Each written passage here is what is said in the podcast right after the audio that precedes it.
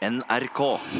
Dette er podkastversjonen av Sommer i P2, der musikken er forkortet eller tatt ut.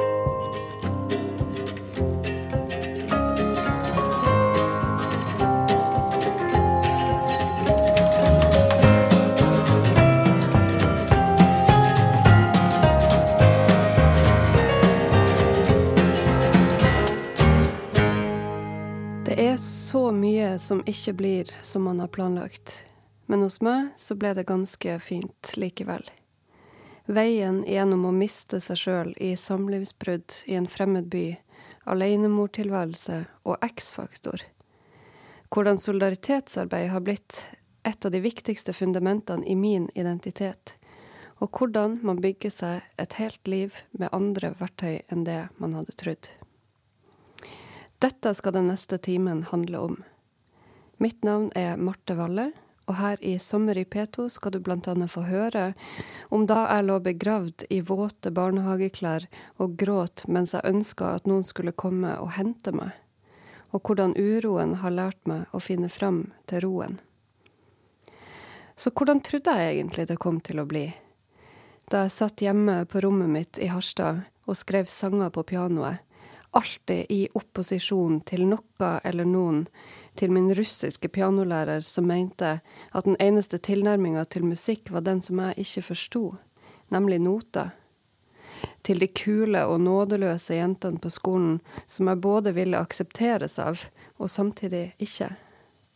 Full av selvtillit og skjør selvfølelse, angst for å ta for mye plass, men samtidig så masse på innsida som trengte å ta plass.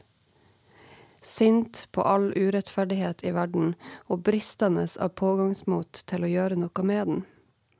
Selvsikkerhet, usikkerhet, ambivalens og kampvilje. Hvordan trodde jeg egentlig det kom til å bli?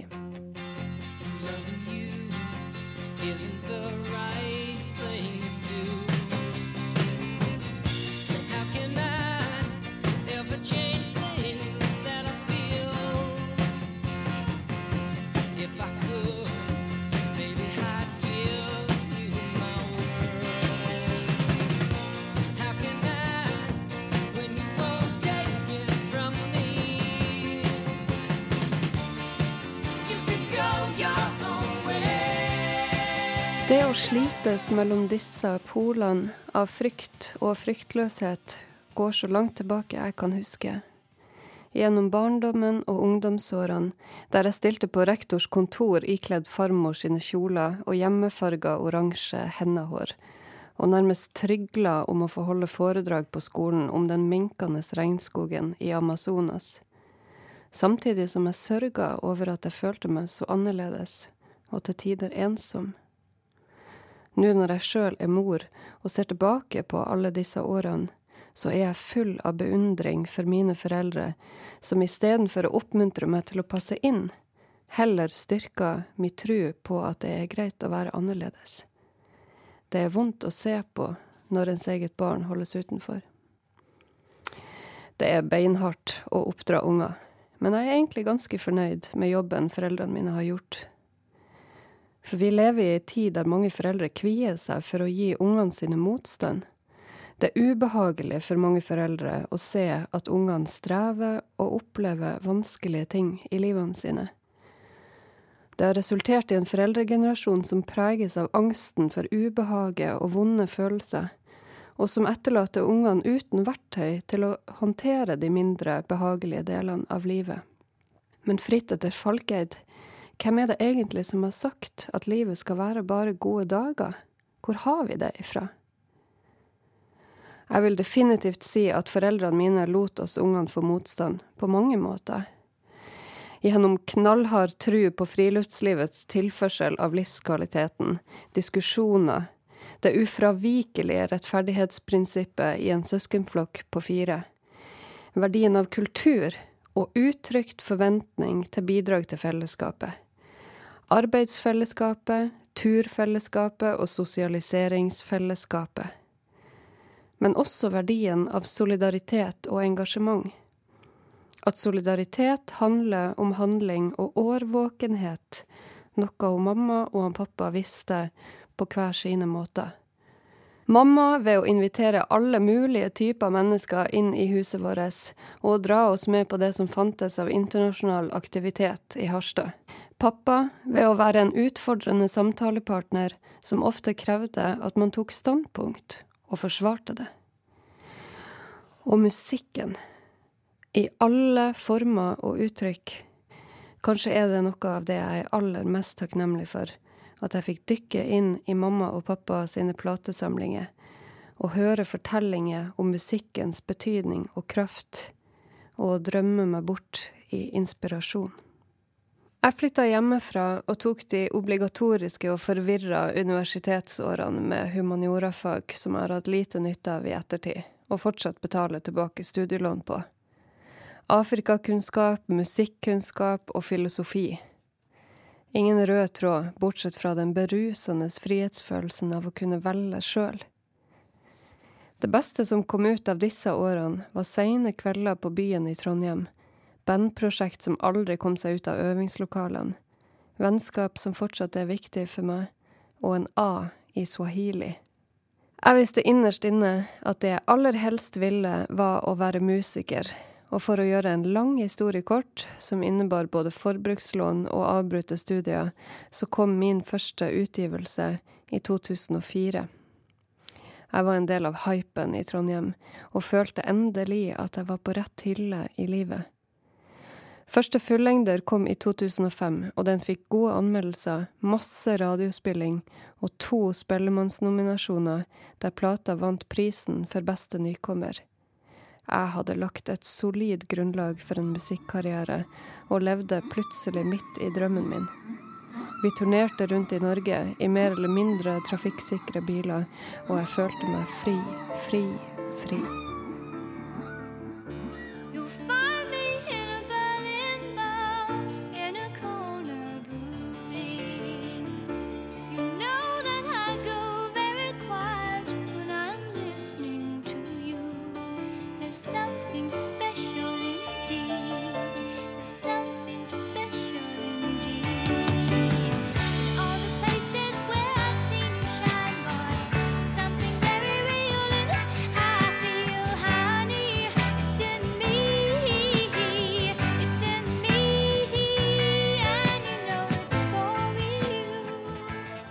Ganger har jeg tenkt på veivalgene mine etter denne første plata.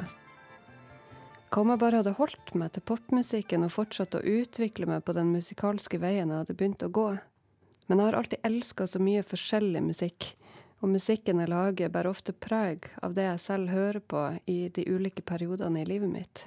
De neste årene fordypa jeg meg i amerikansk country og americano, og var fullstendig opphengt i filmen om avslutningskonserten til The Band, The Last Walls.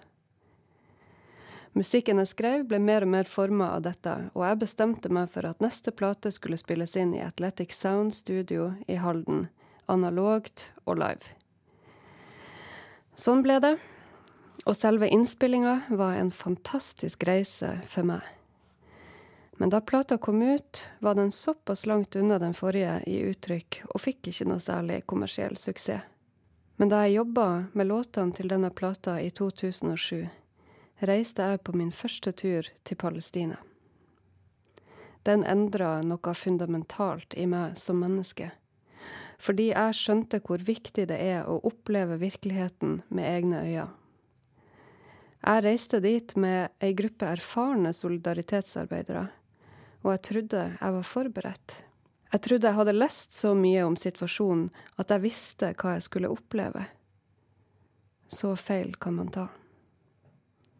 Møtet med okkupasjon av Palestina ble kanskje noe av det sterkeste jeg har opplevd. Murer og soldater, mangelen på frihet, undertrykking og ydmykelse. Og dette brutale møtet med virkeligheten skapte et helt enormt behov i meg for å fortelle. Det var som om et rom åpna seg inni meg, der jeg skjønte at musikken og tekstene kunne brukes til noe som var større enn meg sjøl. Jeg kunne protestere og formidle, mene og påvirke. I ordene og i tonene. Jeg var så sint etter min første reise til Palestina at jeg ville snakke om det i absolutt alle kanaler. Og det var da jeg skjønte at det ikke var like forståelig hos alle. Jeg glemmer aldri at direktøren for plateselskapet jeg da var signa på, sa til meg at hvis jeg virkelig ønska å være en kommersiell artist, så måtte jeg dempe meg litt. Dempe engasjementet. Han mente det var usexy med artister som ble for politisk, og det kommersielle og det politiske lot seg ikke kombinere. Det var som bensin på bålet for meg.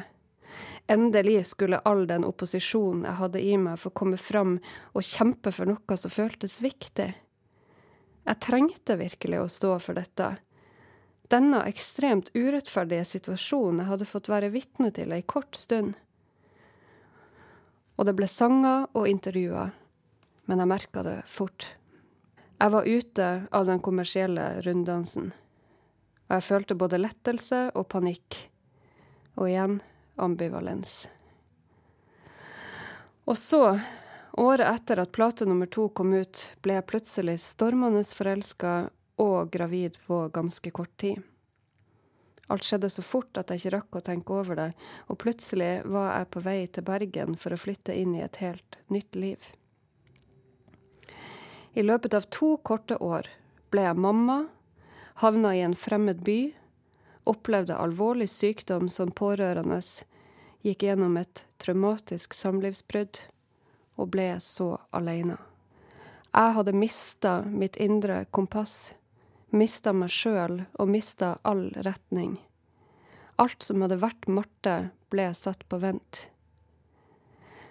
Og når man skal begynne helt på nytt, og prøve å skjønne hva slags mastergrad man egentlig må ha for å skjønne hvordan man skal finne seg en egen bolig på lusen frilansinntekt, hvordan man skal fylle ut Nav-skjemaene på rett måte, hvordan man skal vente på svar om man får innvilga penger til å klare seg.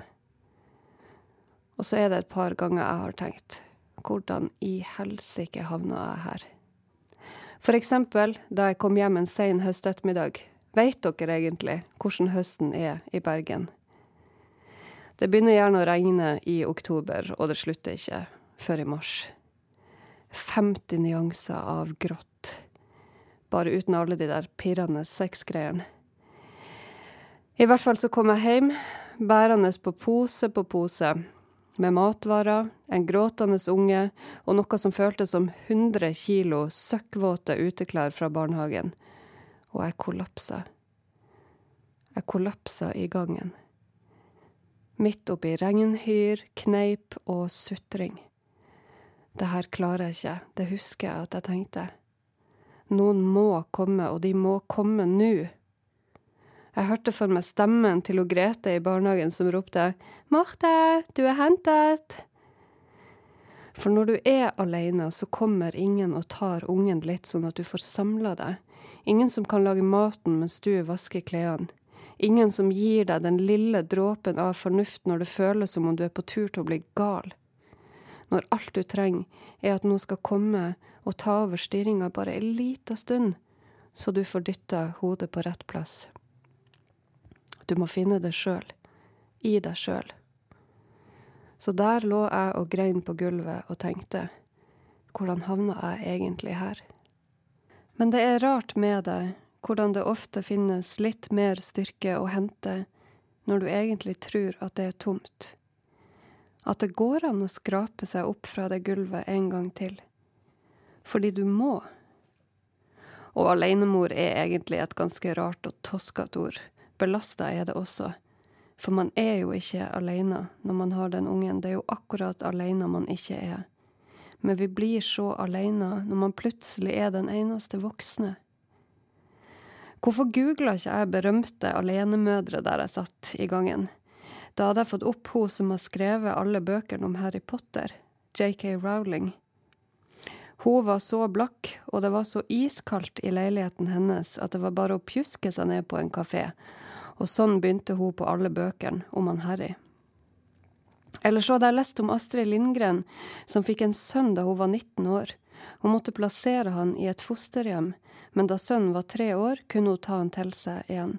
Det var ikke lett, men hun hadde bestemt seg for å klare seg alene. Og hun hadde sikkert gode grunner til akkurat det. Og når jeg tenker på det, så blir Astrid Lindgren om mulig enda større for meg. Hvorfor søkte jeg ikke styrke i de som hadde gått veien før meg? Hvorfor skal vi egentlig være så sterke alene, som ensomme fyrtårn for ungene våre på spredte øyer rundt omkring? Og så er det den der indre mammadialogen som kan bli så ensom at det blir nesten komisk. I et parforhold så snakker man jo hele tida sammen om hvordan hverdagen skal gå rundt, hvordan ungene skal oppdras, hvordan man skal ha noenlunde sunn økonomi, sunn kommunikasjon og sunn matvei. Alt skal være så forbaska sunt. Men som aleneforelder har man denne dialogen med seg sjøl. Godt jobba, Marte. Du fikk inn tre relativt sunne middager denne uka. Da blir det Mækkern og pizza resten av uka. Hei, du eksploderte ikke i dag. Bare nesten. Hurra! Eh, Marte, kan du hente i dag? Ja, det blir vel med det. Men det var verdt det. Alt var verdt det. For nå hadde jeg noen som var viktigere enn meg sjøl.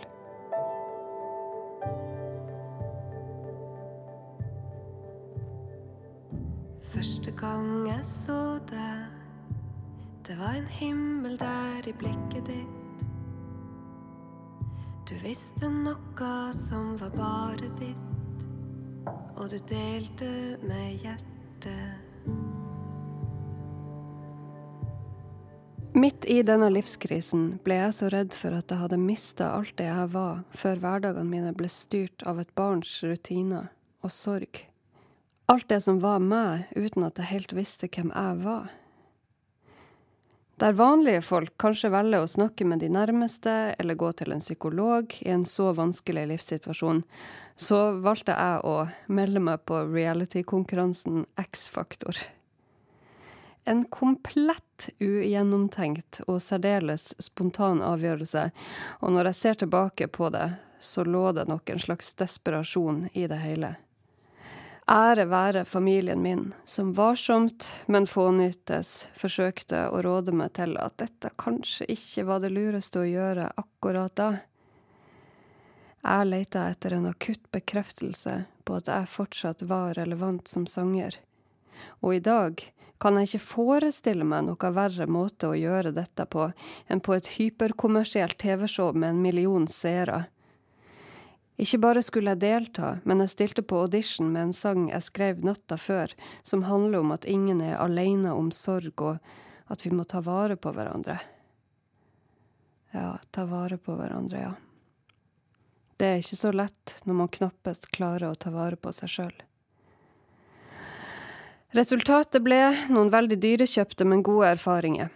En sjetteplass og et nært vennskap med Bettan.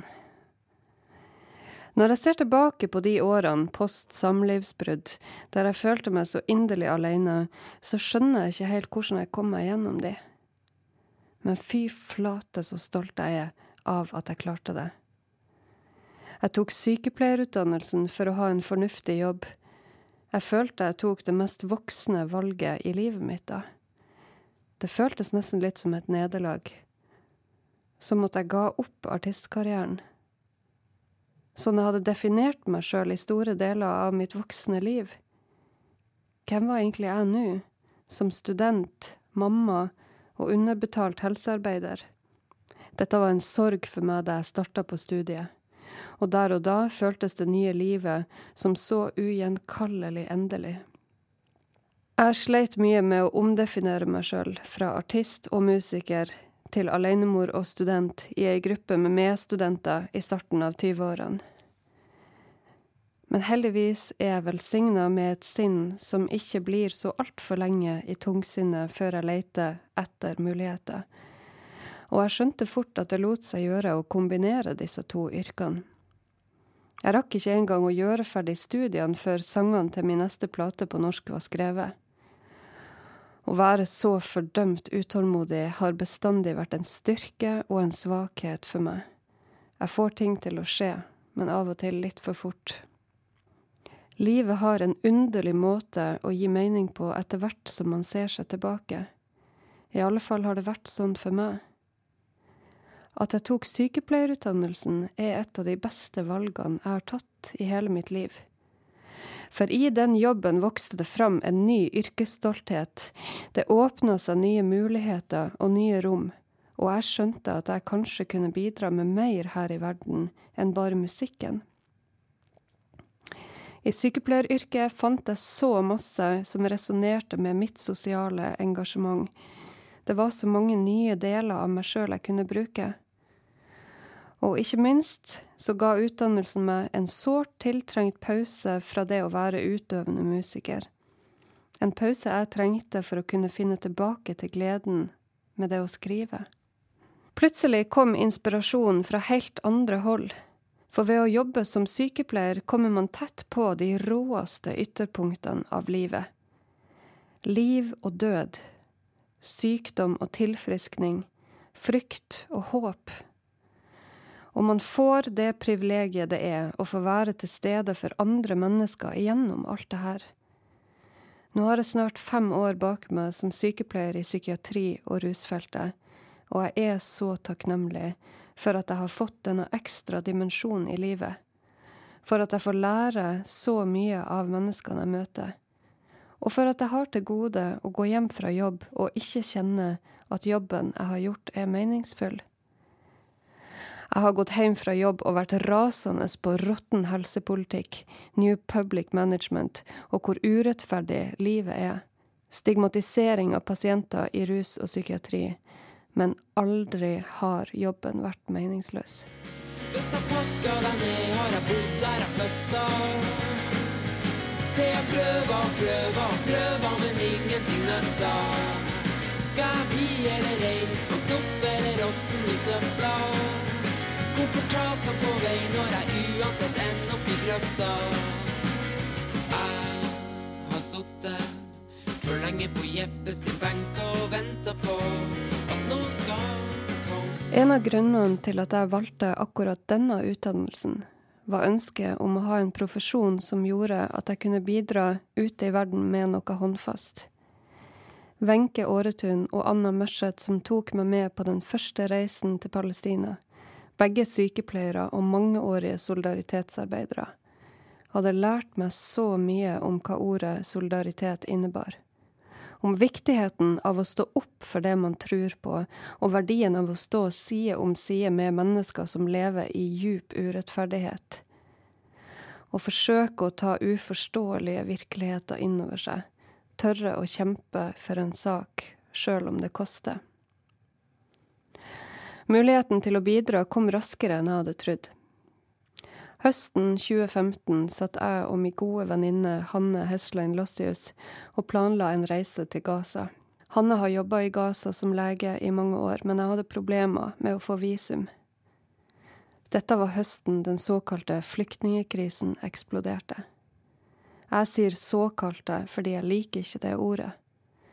Det er et ord som impliserer at krisen rammer oss, de privilegerte, men krisa har hele tida handla om de mennesker som er på flukt.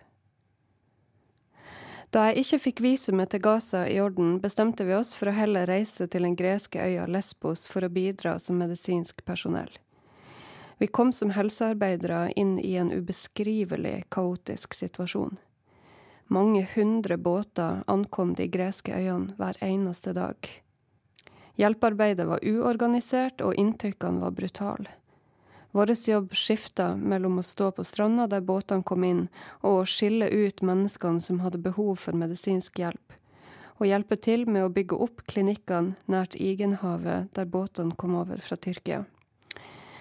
Det mest brutale med hele oppholdet var egentlig å bære med seg vissheten om hvordan det politiske klimaet i Europa var i ferd med å utvikle seg.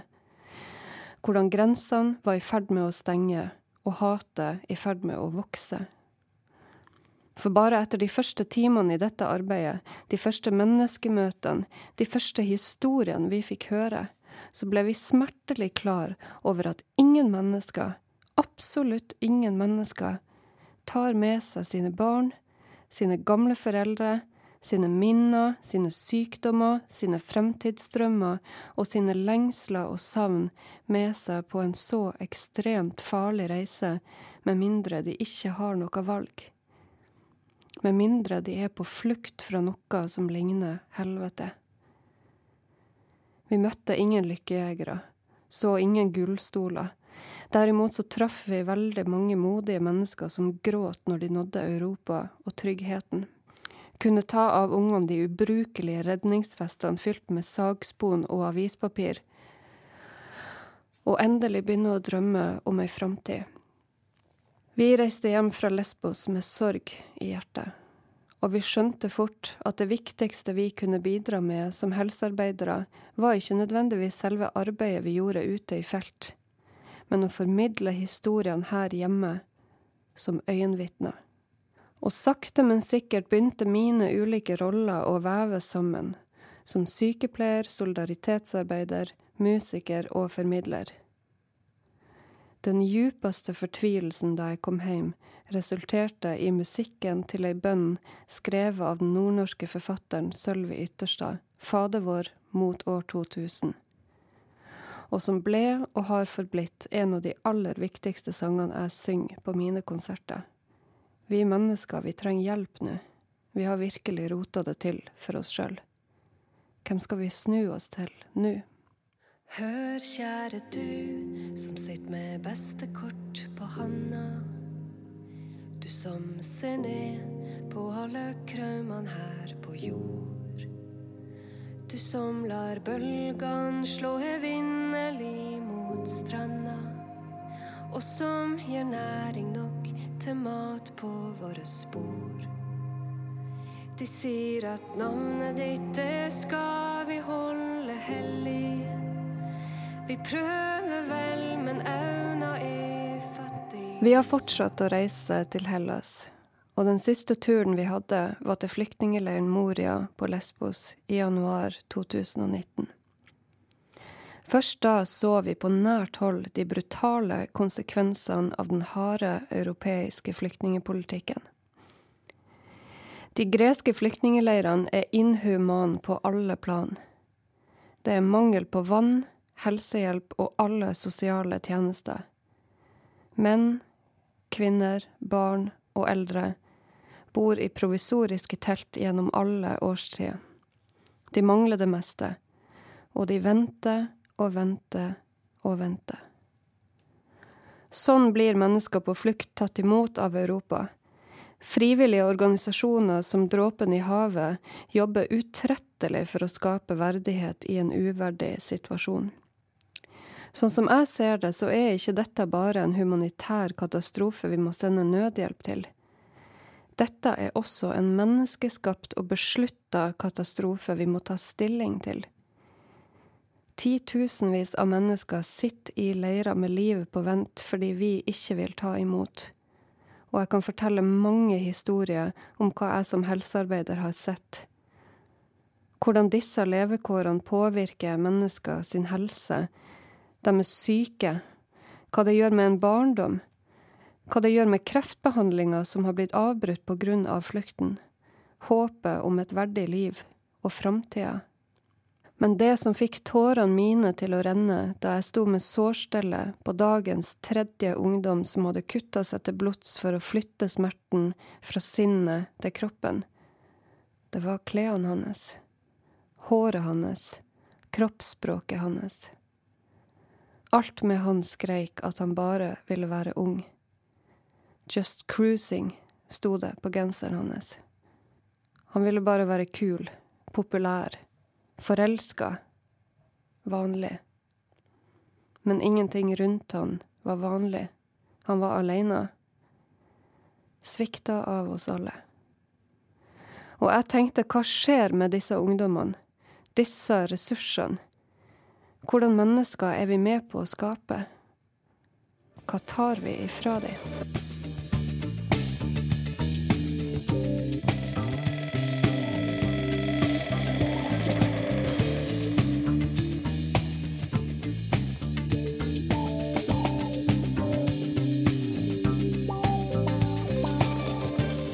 Jeg har aldri ønska å gå inn i politikken, og jeg kommer mest sannsynlig aldri til å gjøre det heller.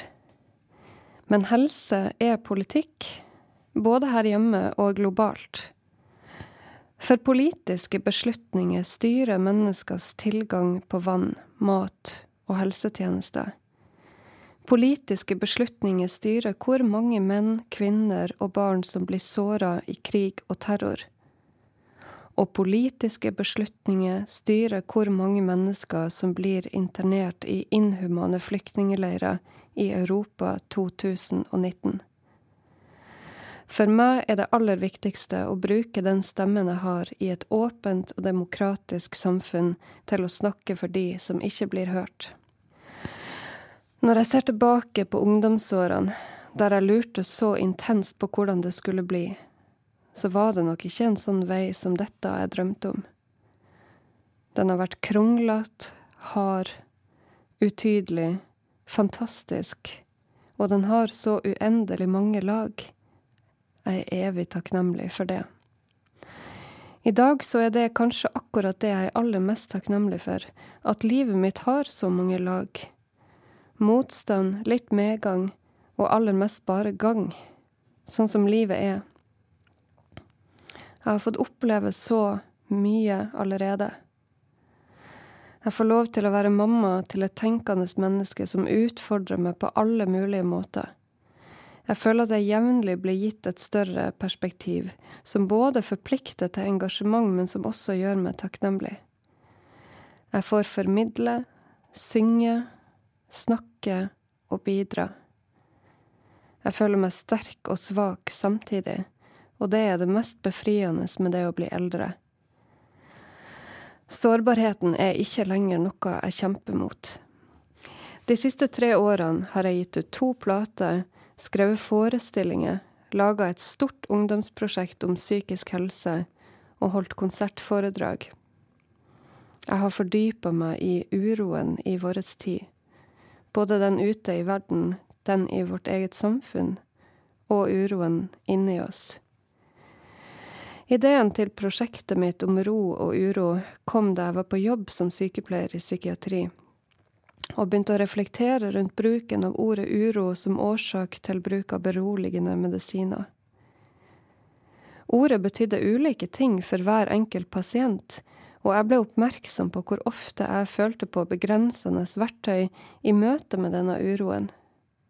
Ideen tok form da jeg ble vitne til musikkterapiens voldsomme kraft i møte med mennesker som plutselig ble gitt et nytt verktøy og et nytt språk for å takle sin egen historie og sin egen diagnose.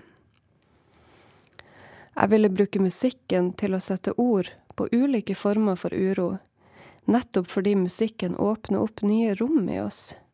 Musikken kan formidle så mye mer av følelsesregisteret enn bare språket alene. Og så løfta hele prosjektet seg ut av psykiatrien, og jeg ville forsøke å finne ut av hva som skaper uro i oss i den tida vi lever i.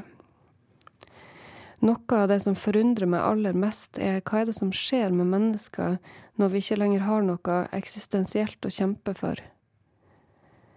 Kan det være at vi ser konturene av dette i dagens ungdomsgenerasjon? For vi har alt, men likevel er nordmenn deprimert og ensom. Jeg er ikke fan av svartmaling, men hvis jeg har lært noe så langt i livet, så er det at det er relasjonene våre som betyr noe for oss mennesker. Det er relasjonene våre vi lener oss på når krisa treffer oss, når livet treffer oss, når livet går mot slutten, og når livet kaster det uventa mot oss. Det å tilhøre, det å få bety noe for noen. Det å vite at man er noe for et annet menneske. Og det blir en uhyggelig dissonans mellom fellesskapet vi trenger, og det ekstremt individualiserte samfunnet vi er i ferd med å få. Fordi vi blir fortalt ifra alle kanter at vi skaper vår egen lykke. Med oppussing, med kropp, med penger og med likes. Men ingenting av dette kan vi ta med oss i hjertet når livet stiller oss til veggs. Da er vi alene med alt det vi kjenner og føler, og det er relasjonene våre som blir det viktige. Og jeg tror at det perspektivet er kortvarig. Det er ferskvare. Vi må holde oss sjøl i livet. Vi må tørre å kjenne på vår egen forgjengelighet, vår egen forfengelighet, og hva vi vil legge igjen etter oss. For lykken er kortvarig. Den er bare et blaff som kommer når vi minst venter det. Vi kan ikke tvinge den. Jeg har trua på å bygge et liv med mening i stedet for å jage lykken. Meninga er mer bærekraftig. Den tåler alle stormene livet kaster på oss, og den gjør det lettere å se tilbake. Mitt viktigste verktøy i det å skulle håndtere uroen er forsoninga med at livet svinger. Det er lys og mørke, smerte og lykke, sårhet og styrke.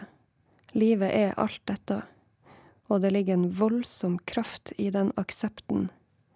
Forsoning og aksept av livets kronglete vei gir meg ro.